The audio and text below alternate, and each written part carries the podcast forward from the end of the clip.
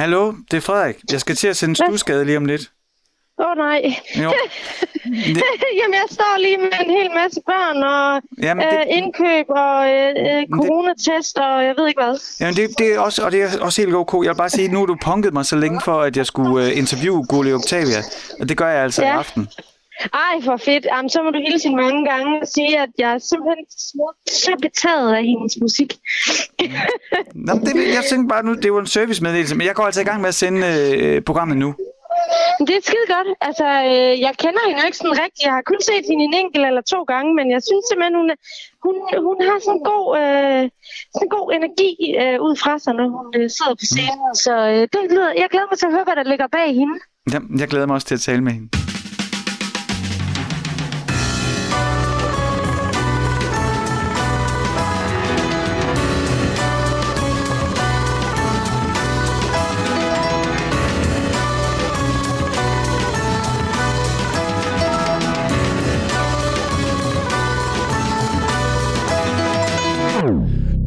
Lytter til Stusgade på Radio 4 med mig, Frederik Hansen. Og det her, det er Frank Zappa og Peaches on Regalia.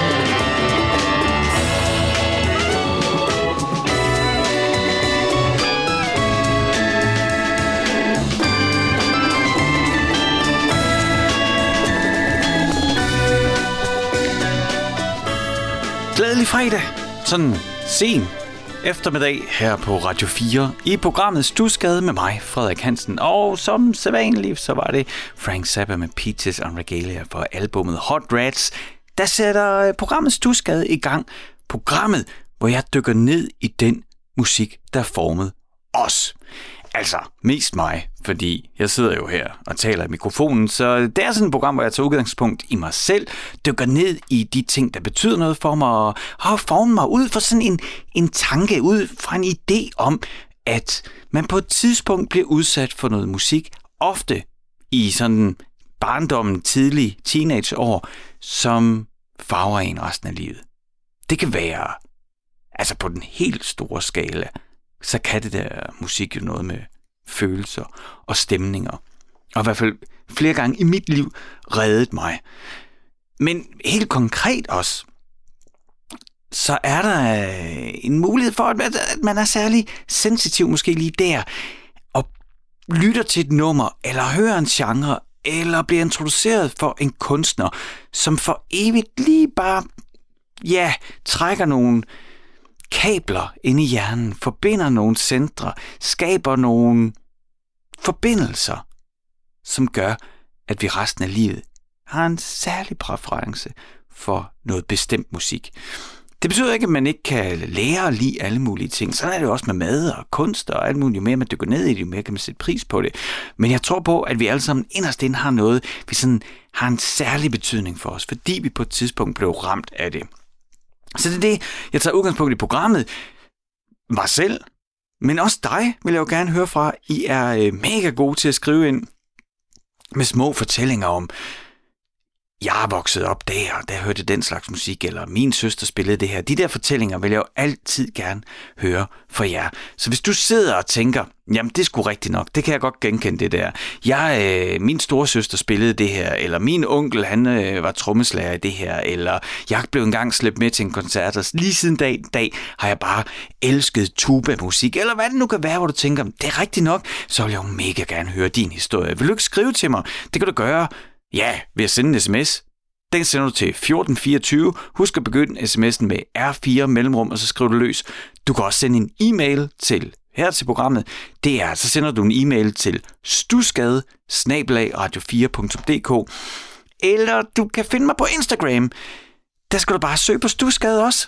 Så dukker Stusgade underscore Radio 4 op, så kan du følge mig der og skrive direkte til mig. Altså hvis du tænker, jamen jeg har egentlig også en meget fin lille historie, eller en lille, en lille tanke omkring det der med, på et tidspunkt blev du introduceret for noget musik, som for ja, som du har båret lige siden, eller som har farvet dig, eller som har gjort, at du kan bedst lide en bestemt type musik. Hvis du kan genkende det, jeg siger, så skriv til mig, så kan jeg tage fat i dig, så kan vi lave din historie her i Stusgade.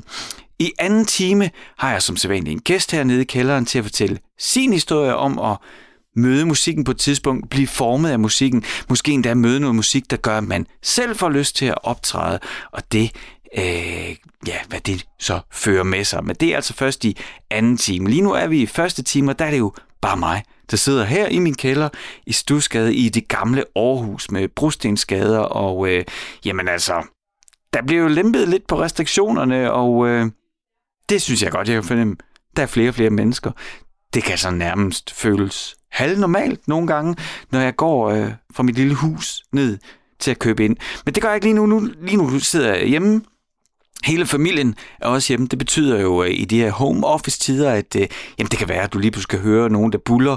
Så er det nok min søn på 6, der er blevet rasende på sin kapla træklodser, fordi at øh, jeg lige nu for tiden er han i gang med at bygge et soltempel, fordi han lytter til Tintin-lydbånd så ja, hvis du kan huske det der med krystalkuglerne og soltempels forbandelse og alle de ting, så er han i gang med at genskabe det i træklodser. Det er, det, det er til stor begejstring for mig, men også til stor frustration for ham, når det styrter sammen. Og så, så sidder jeg rent faktisk lige under, så kan man høre, at han stamper.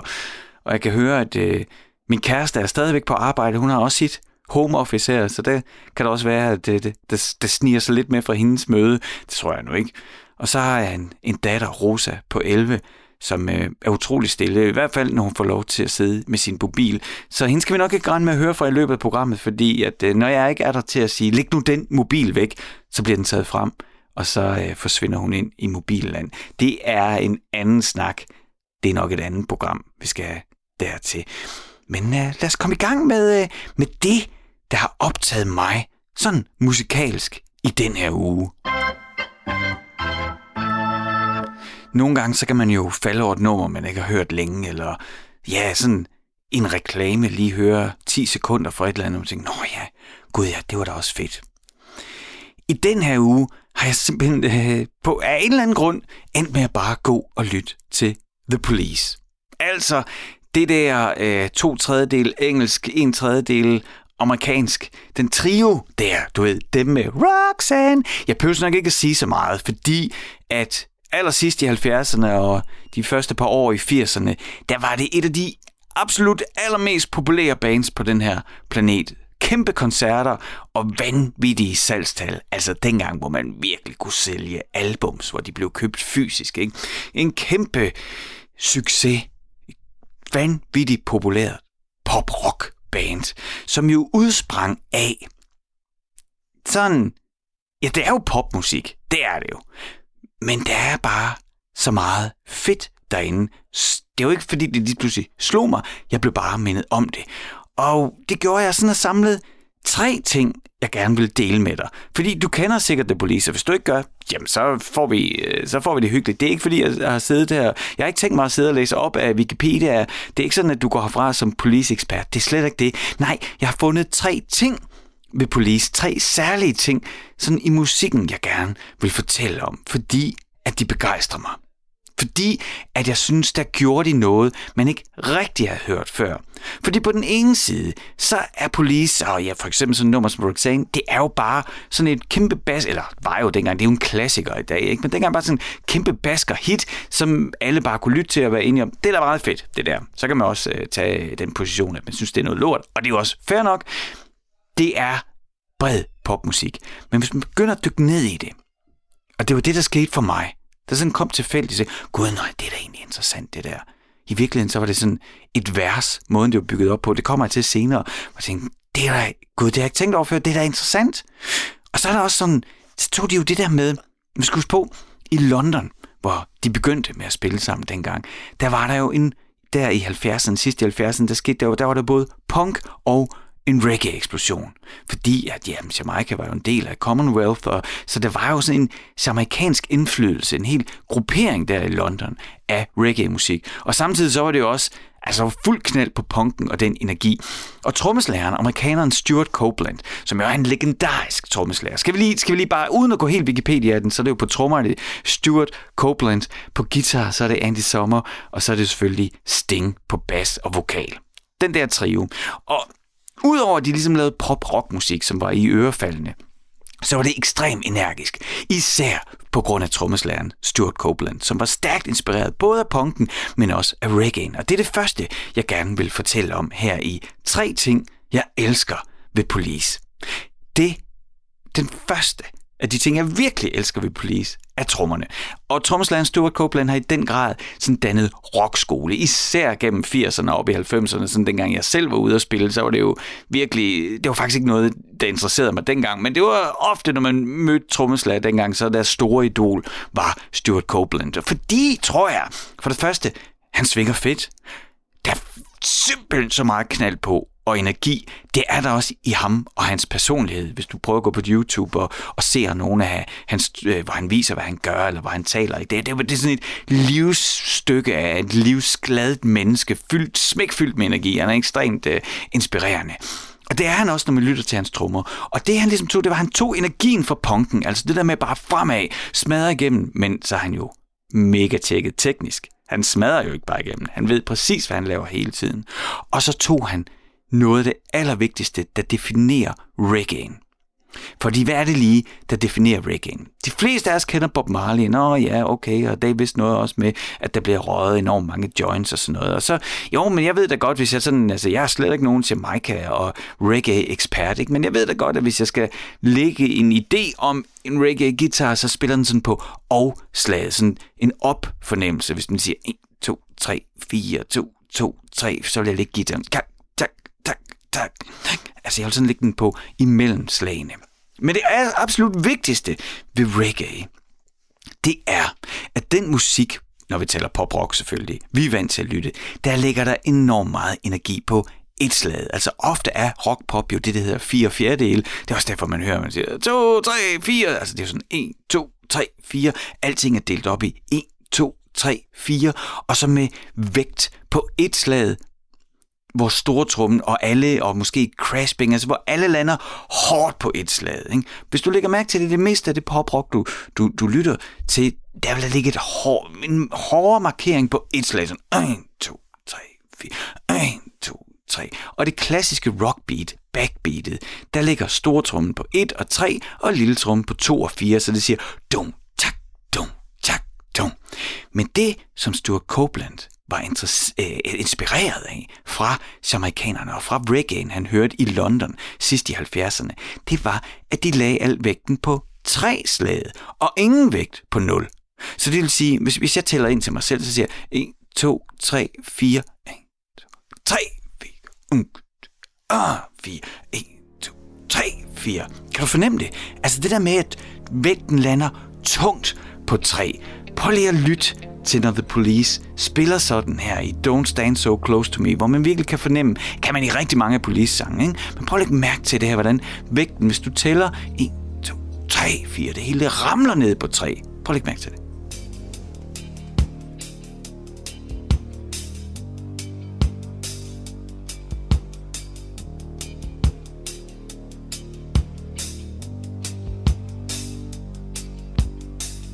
Young teacher, the subject of schoolgirl fantasy.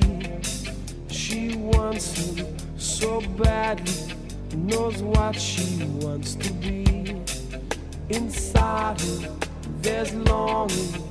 This girl's an open page, bookmarking. She's so close now. This girl is half his age.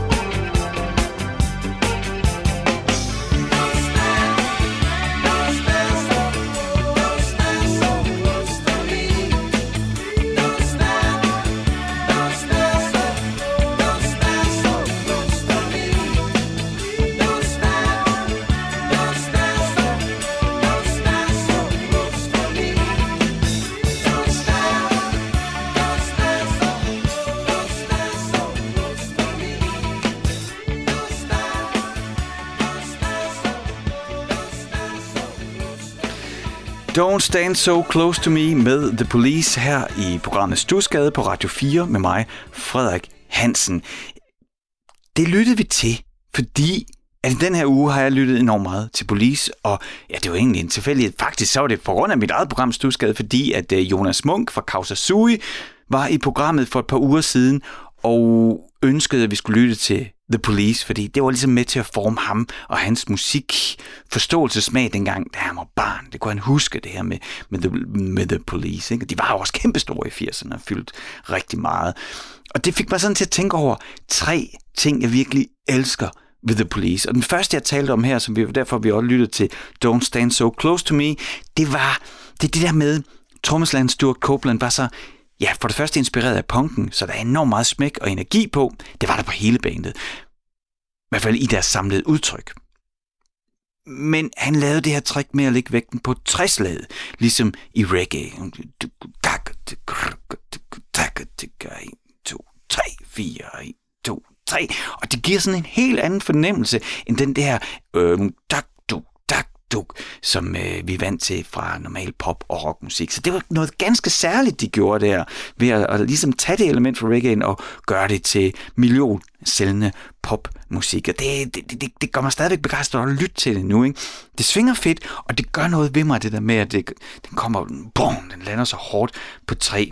Don't, so, uh, Don't Stand So Close To Me uh, er fra deres tredje album, album, album, Senjata Bondata, og det er egentlig, det er ikke det bedste Police-album, og det synes de heller ikke selv. Det blev indspillet under nogle ret øh, hårde omstændigheder, fordi at Øh, jamen, i, lang, i et par år kæmpede de jo ligesom for et gennembrud, og det var singlen Roxanne, der gjorde, at de fik en rigtig pladekontrakt, og så tog det ellers fart, sådan at de bare var enten på øh, landevejene eller i studiet.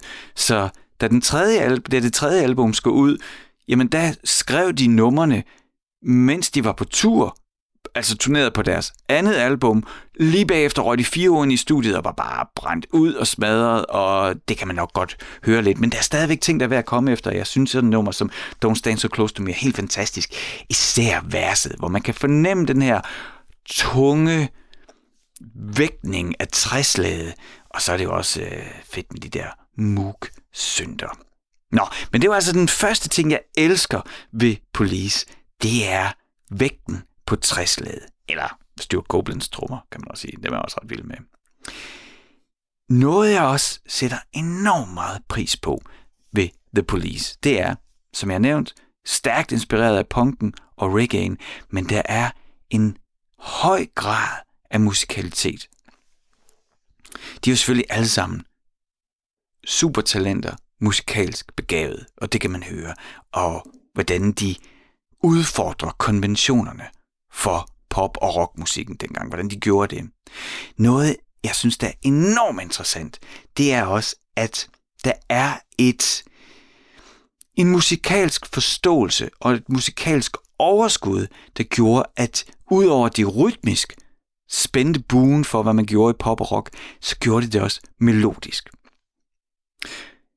På nummeret Every Little Thing She Does Is Magic, som altså øh, fra, nu skal lige, fra albumet, deres fjerde album, Ghost in the Machine, ikke? Every Little Thing She Does Is Magic. Også et stor hit, en stor single, masser af salg, folk, der dansede rundt til det. det. Samme lidt, øh, som vi fik med Don't Stand So Close To Me, altså stille vers, og så smæk på og fremad i, i omkvædet. Ikke? Don't Boris, take us to the chorus. Men her sagde øh, Roxette, ikke? det var sådan en, var det ikke en, er det et album, de udgav? Don't bore us, take us to the chorus. Altså lad være med at være kedelig, lad os komme ind til det, vi skal synge med på. Og der synes jeg netop lige her, Police, de modbeviser det, eller går virkelig mod den, ikke? fordi at for mig er versene det, der er allermest interessant. Og det absolut mest interessante vers for mig i hele Polices diskografi, det er verset i Every Little Thing She Does Is Magic. Fordi der benytter de sig af den lydiske skala. okay, nu skal det ikke, fordi det skal gå øh, 3G musikteori øh, på øh, gymnasiet i den, men lige lidt alligevel, ikke? Du kender måske en durskala.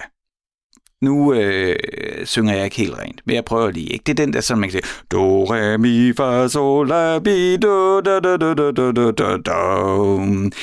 Det er sådan groft sagt, altså hvis man synger øh, renere end jeg gør, det, det, det får jeg ingen point for det der, det er jeg godt klar over. Men, men, men lad det nu ligge.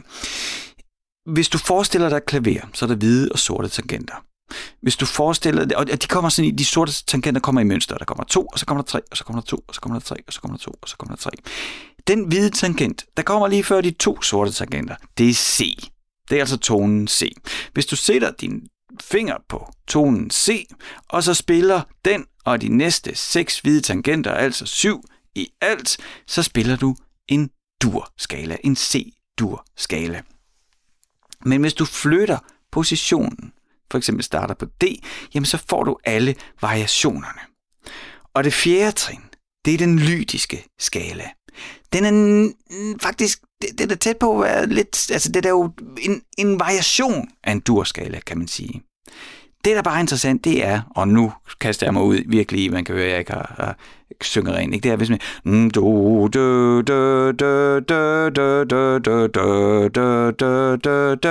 Så det fjerde trin. Bum, bum, bum, bum. Bum, bum, bum, bum. Det trin der. Det løfter en halv tone. Og nu prøver jeg lige. Bum, bum, bum. Og det er en vild følelse. Jeg skal spille det for dig, så kan du sikkert mærke det. Det bruger man nærmest aldrig i pop- eller rockmusik. Men det gjorde The Police. andet sted, hvor du vil kunne finde den, det er i filmmusikken, fordi det er noget, det der fjerde løftede fjerde trin, det er så nærmest guddommeligt. Det strækker, altså det spænder og det strækker i akkorden, så man sådan får lyst til at, at række hænderne op. Det kan være sådan, det er sådan et helteøjeblik, når det, øh, det hele, det, det, det, det står og vibrerer. Ikke? Husk nu på, det er jo bare, musik og toner er jo bare frekvenser. Og når man tager det der løftede fjerde trin, så, så står tingene i virkeligheden og skuer mod hinanden, men der, hvis du gør det rigtigt, hvis du rammer det rigtigt, ligesom politiker, jeg skal spille det for dig lige om lidt, så skuer det ikke. Så vibrerer det, og så rækker det ud, og så spænder det, så man bare længes efter forløsning. Så derfor det der med at bruge de lydiske, sådan en som John Williams, som har lavet for eksempel øh, musikken til, ja, altså Steven Spielbergs film, ikke, og Star Wars, han bruger den lydiske, og det løftede fjerde trin. Men Police, de gjorde det altså også på Every Little Thing She Does Is Magic. Og det er i verset. Læg mærke til, at den bevæger sig Øh, der er fire akkorder, der er fire skift i verset, og det bevæger sig de første tre, som man vil forvente af konventionel pop-rock-musik, og så kommer det fjerde trin, som får det hele til at spænde. Prøv lige at lytte.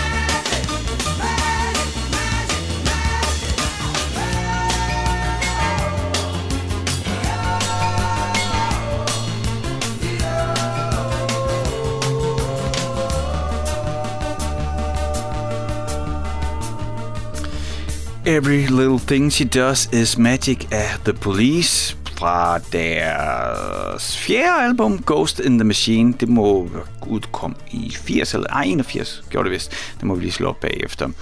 Men hvis nok et sang, som Sting havde arbejdet på og lavede de første demoer af i 1976. Men det er nu ikke derfor, jeg spillede den her i Stusgade på Radio 4 med mig, Frederik Hansen. Jeg spillede den, fordi jeg lige nu er i gang med at fortælle om tre ting, jeg elsker ved bandet The Police, eller altså ved de sange, de udgav. Den, øh, altså, Police, The Police, det her med, det, det var to britter og en amerikaner, som lavede en, øh, en trio, hvor der først ikke rigtig lykkedes, og så gennem nummeret kæmpe hit Roxanne, jamen så fik de så den store pladekontrakt, og i løbet af kort tid erobrede, og det gjorde de, erobrede hele verden. De var et af de mest populære bands på det tidspunkt, sidst i 70'erne, begyndelsen af 80'erne.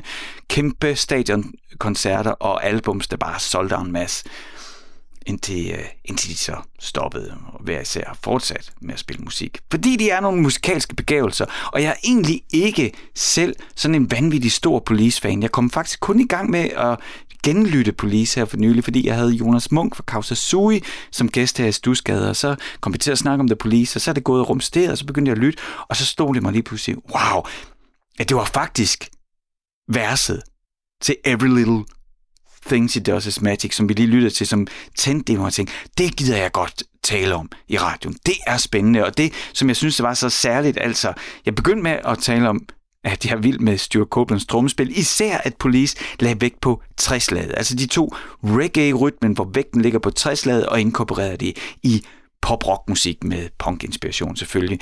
Og så den anden ting, altså, det var deres musikalske overskud, deres forståelse, deres også, ja, grundteoretiske forståelse af musikken, sådan at de kunne udfordre konventionerne, uden at det blev abstrakt. Altså, at kunne få folk på et dansegulv i et diskotek i 80'erne til at danse med og bare være på. Every little thing she does is magic, og så lave et vers med et løftet fjerde trin, så det bliver den lydiske skala. Det synes jeg bare er mega fedt, når man kan gøre det. Fordi der er så hjernedød meget musik, som bare følger konventionerne blindt, ikke?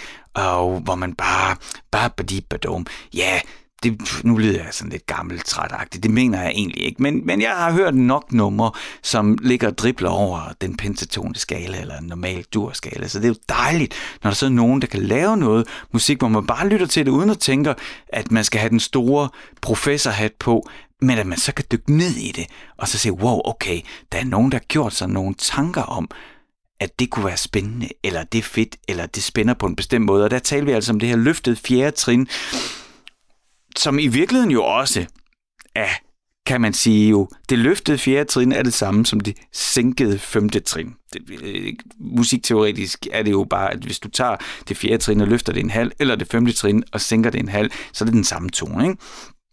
Og det er jo også det, man kalder tritonusen altså djævelens interval, fordi der ligger seks halvtoner imellem, men fordi det også skuer rigtig grimt, hvis du bruger det interval. Ja, ikke forkert, men du kan bruge det interval rigtig grimt, og det vil du kunne høre i rigtig meget dødsmetal, eller i virkeligheden rigtig meget heavy metal, har man brugt altså det her tritonusen, det her djævelens interval, fordi det er, har en atonalitet og kan bruges rigtig grimt, men det løftede fjerde trin, som er den samme tone i, i den lysiske skala der, det giver sådan en himmelsk helte stræben mod stjernerne fornemmelse, og det er også derfor, det bliver brugt rigtig meget filmmusik til netop at give den her hero-fornemmelse. Ikke? Så det er altså både, øh, det er både øh, dæmonen, djævlen og englene og heltene, der er i, i det samme spænd i toner. Og det er derfor, jeg synes, uh, The Police de bruger det så genialt her i Every Little Thing She Does Is Magic. Nå, den tredje ting, som jeg elsker ved The Police, det er gitarristen Andy Sommer. Fordi Stuart Copeland, trommeslageren, han er vild, han er ung, jeg mener, han er den yngste af dem. Øhm, bare sådan alt frodende, mm, opslugende, kompleks og omfattende i sit trommespil. det er meget lyt til mig trommespil, han laver. Ikke? Det er oh, så sådan, oh, du ved, hele tiden, Nå, hvad lavede han der? Nå, hvad lavede? Han er virkelig sådan en trommeslager, man lytter til og kigger på. Og kan man sige, jamen Sting, han spiller fedt, og han synger jo helt forrygende. Uanset om, om man kan lide hans stemme eller ej, om det er til en smag eller ej, så kan man jo ikke benægte, at manden kan synge, og han har et register, der er misundelsesværdigt. Ikke? Det, det, det kan vi det mindste blive enige om. Øh, men øh, så står der jo den stille mand, Andy Sommer, og spiller guitar og kigger lidt ned i jorden og, og gør ikke det helt store væsen ud af sig. Men jeg elsker hans lyd og måden, han bruger sin lyd på. Han er jo, hvor man kan sige, at Sting er superstjernen, og Stuart Copeland er vildmonstret bag trommerne, jamen så står han helt rolig med en ganske bestemt signaturlyd. Han skabte jo sådan, at man kan høre med det samme, det er Andy Sommer på guitar. I hvert fald i de der indspillinger fra 80'erne, øh, øh, eller sidste 70'erne, 80'erne. Ikke?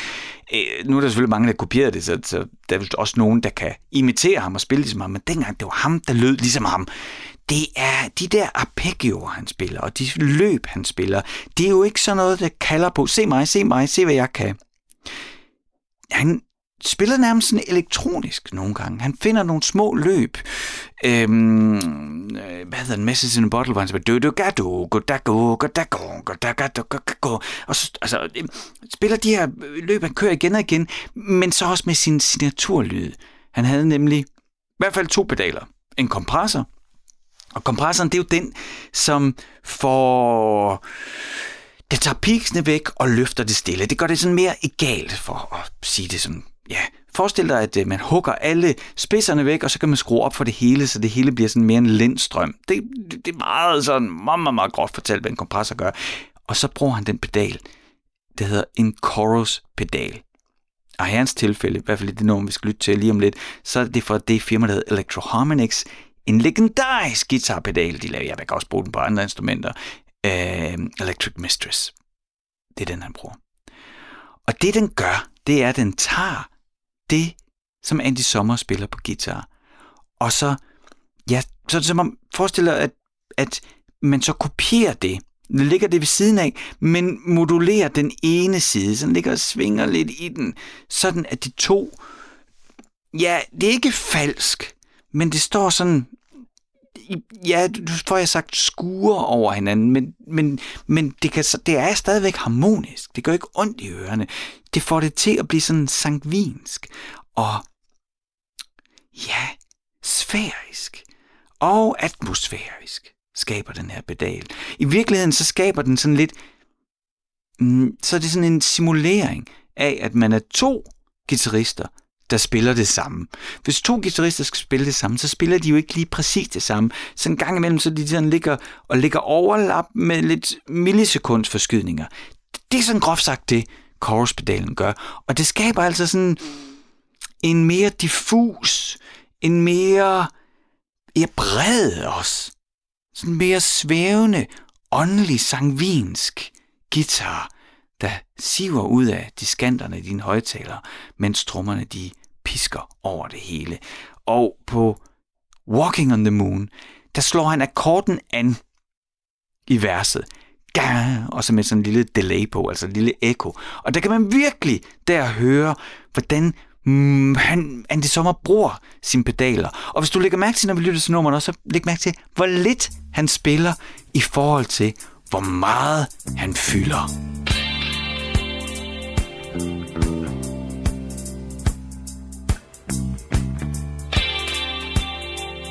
you.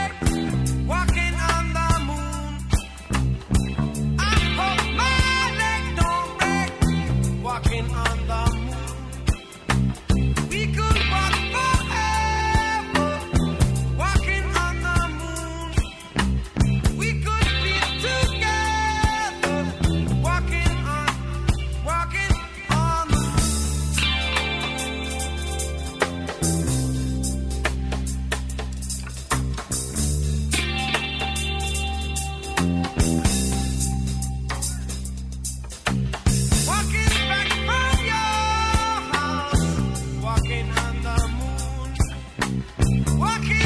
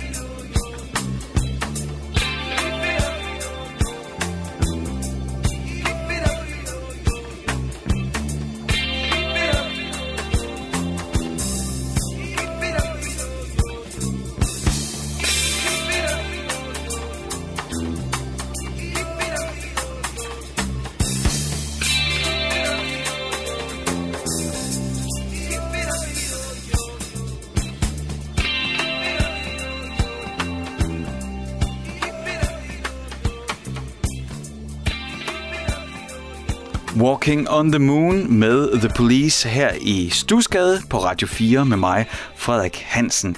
Og det lyttede vi til, fordi at øh, ja, aftens tema er, altså sådan min eget lille tema, det er tre ting, som jeg, altså mig selv, Frederik, tre ting, jeg elsker ved The Police. Og jeg er ikke stor Police-fan, jeg har faktisk ikke alle pladerne heller, men jeg havde Jonas Munk fra Kausasui øh, for et par uger siden som gæst her i Stusgade, og der kom vi til at snakke om police, og så det rumsterede sådan inde bagved, åh oh, ja, det. Og så fik jeg sat, øh, jamen så begyndte jeg at lytte lidt igen, og blev kastet tilbage til, hvor meget The Police egentlig farvede min barndom, hvordan de ligger derinde og, og var en stor del af musikken i 80'erne. Ikke? De var sygt populære dengang.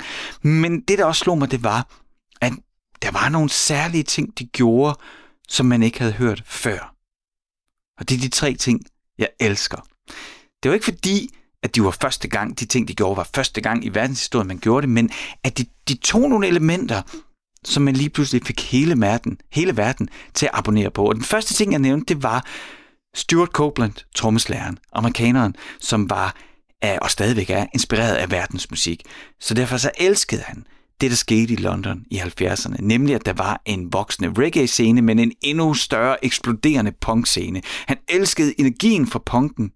Den tog han med ind i The Police, og han var vild med rytmen fra reggae'en. Den tog han med ind i The Police ved at lægge vægten på træslaget. Det var det, vi talte om i begyndelsen, ikke med, at man tæller 1, 2, 3, 4, 1, 2, 3, 4,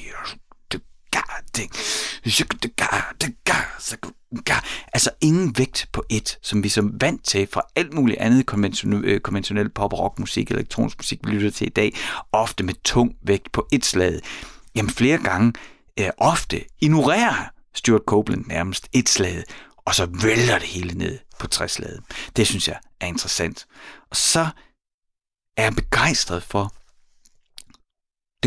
musikalske grundforståelse, som er i The Police, som måske i høj grad springer ud af Sting, jo, som jo ikke var øh, ung teenager, da Police pludselig blev populær. Der havde han allerede, der var han allerede uddannet og, og underviste på skoler, og, og har jo fået øh, mus, musikalsk undervisning. Ikke? Han er jo ikke kommet ud af punkscenen, ud af et, vælten ud af et toilet øh, med hanekampen. Nej, han var en skolet musiker, som havde styr på sin grundteori. Og derfor så lyttede vi også til øhm, Every Little Thing She Does Is Magic, fordi at han der i verset bruger øh, den lydiske, han bruger det løftede fjerde trin, som er så nærmest himmelsk og stræbende mod forløsningen.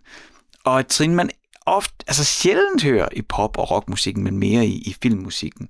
Og så, øh, ja, men så er jeg jo guitar, eller jeg spiller jo ikke rigtig guitar mere, ikke? Men, men, men en gang guitarist er man vel altid guitarist, så derfor øh, så bliver jeg bare ned til, altså man kan ikke tale om Police, og det som i hvert fald jeg elsker ved The Police, uden at nævne Andy Summers chorus guitar, som vi så lyttede til her til sidst i Walking on the Moon, som skal vi lige bare have lidt uh, Wikipedia med Walking on the Moon fra 1979, fra deres andet album, Regarde Blanc, hvor man sådan får virkelig den rene police, sådan der, som det var i, helt i begyndelsen. Ikke?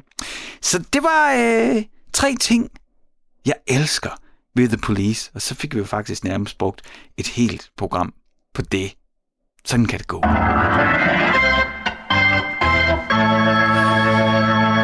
Mens vi lige fik den her skiller, som min egen far har lavet til mig, han har sådan et gammel, jeg skulle lige sige et B3 hammernål, det er sådan det legendariske. Det er ligesom et B3, det hedder bare et RT3, det er nemlig kirkeudgaven, det er sådan et kæmpe møbel. Nå, men det har han altså varmet op, og så har han indspillet et par jingler, eller skiller hedder det jo, til mig. Mens den spillede, der fik jeg åbnet ugens brev fra min producer Isa, så det vil jeg læse op nu, og så skal vi høre, hvad hun har fundet frem. Det er også sådan, og det, det kan man sige, det, jeg havde alt muligt planlagt til, til aftens program her, og så endte det altså med at, øh, at bruge øh, altiden på tre police-sange, fordi ja, jeg blev øh, grebet af begejstringen, fordi det er tre ting, jeg godt kan lide ved Police. Nå, ja, jeg, jeg indhenter det næste fredag, så, så finder vi på noget andet. Men vi kan i hvert fald nå at få øh, et brev fra Isa. Det kommer her. Netflix havde i sidste uge premiere på Biggie, I Got a Story to Tell. En dokumentar portrætfilm af den afdøde rapper The Notorious B.I.G. a.k.a. Biggie Smalls, a.k.a. Big Papa eller bare Christopher Wallace. Der er efterhånden lavet et hav af de her musikdokumentarer af både døde og levende musikere. Nogle af dem er klart mere vellykkede end andre, og min oplevelse er, at det er meget forskelligt, hvor meget et glansbillede, der bliver malet af produktionsselskaberne. Jeg har ikke fået set den om Biggie endnu, men det er et mål for weekenden. Vi kan jo passende varme op med et nummer af den unge New York-rapper, der blev myrdet og mistede livet alt for tidligt. Kærlig hilsen, Isa. Og det var altså brev fra min producer Isa. Hun sender et brev til mig hver uge, for lige at sikre, at øh, ja, den musik, der bliver spillet her i Stusgade, ikke kun er den, jeg elsker. Så øh, tak for det, Isa. Og her er The Notorious B.I.G. med Big Popper. Oh. Oh. Check it out. Yeah.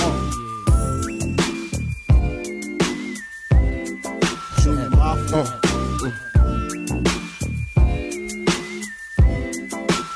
I like this. Yeah. yeah. Now, to all the ladies in the place with style and grace, allow me to lace these lyrical douches in your bushes. Uh. Who rock grooves and make moves with all the mommies. The, the back, back, of the, the club, club, sipping Moet is where you find me. What? The back of the club, macking holes, my crew's behind me. Uh. Mad question asking, blunt passing, music blasting. But I just can't quit because one of these honeys Biggie got to creep with, right. sleep with, keep the ep a secret. Why not? Uh. Why blow up my spot? Cause we both got hot. Now check it. I got more Mac than Craig and in the bed. Believe me, sweetie, I got enough to feed the needy. No need to be greedy. I got mad friends with Benzes, see notes by the layers. True fucking players. Jump in the rover and come over. Tell your friends jump in the GM3. I got the chronic by the tree. I love it when you call me Big Papa. Throw your hands in the air if you's a true player. I love it when you call me Big Papa. To the honeys getting money, playing niggas like dummies. Uh. I love it when you You got a gun up in your waist, please don't shoot up the place. Why? Cause I see some ladies tonight that should be having my baby. Uh, baby. Uh, straight up, honey, really, I'm asking. Most of these niggas think they be macking, but they be acting. Who they attracting with that line? What's your name? What's your sign? Soon as he buy that wine, I just creep up from behind and ask you what your interests are. Who you be with? Things to make you smile. What numbers to dial? You gonna be here for a while? I'm gonna call my crew. You gonna call your crew. We can rendezvous at the bar around two. Plans to leave, throw the keys to little C's. Pull the truck up front and roll up the next blunt so we can steam on the way to the telly. Go fill my belly. A T-bone steak, cheese, eggs, and Welch's grape. Conversate for a few, cause in a few we gon' do what we came to do. Ain't that right, boo? Forget the telly, we just go to the crib and watch a movie in the jacuzzi. Smoke L's while you do me. I love it when you call me Big Papa. Throw your hands in the air if you's a true player. I love it when you call me Big Papa. To the honeys getting money, playing niggas like dummies. Uh. I love it when you call me Big Papa. You got a gun up in your waist, please don't shoot up the place. Cause I see some ladies tonight that should be having my baby, baby. How you living, Biggie Smalls? Imagining Benzes giving ends to my friends, and it feels stupendous. Tremendous cream, fuck a dollar and a dream. Uh. Still tote gas strapped with infrared beams. What? Chopping O's, uh-huh. smoking line optimals, money holes and clothes, all a nigga knows. A foolish pleasure, whatever. I had to find the buried treasure. So grams I had to measure. Uh. However, living better now, coochie sweater now. Drop top BMs, I'm the man, girlfriend. Honey, check it. Check. Tell your friends to get with my friends. We could be friends. Shit, we could do this every weekend. That's right. Alright?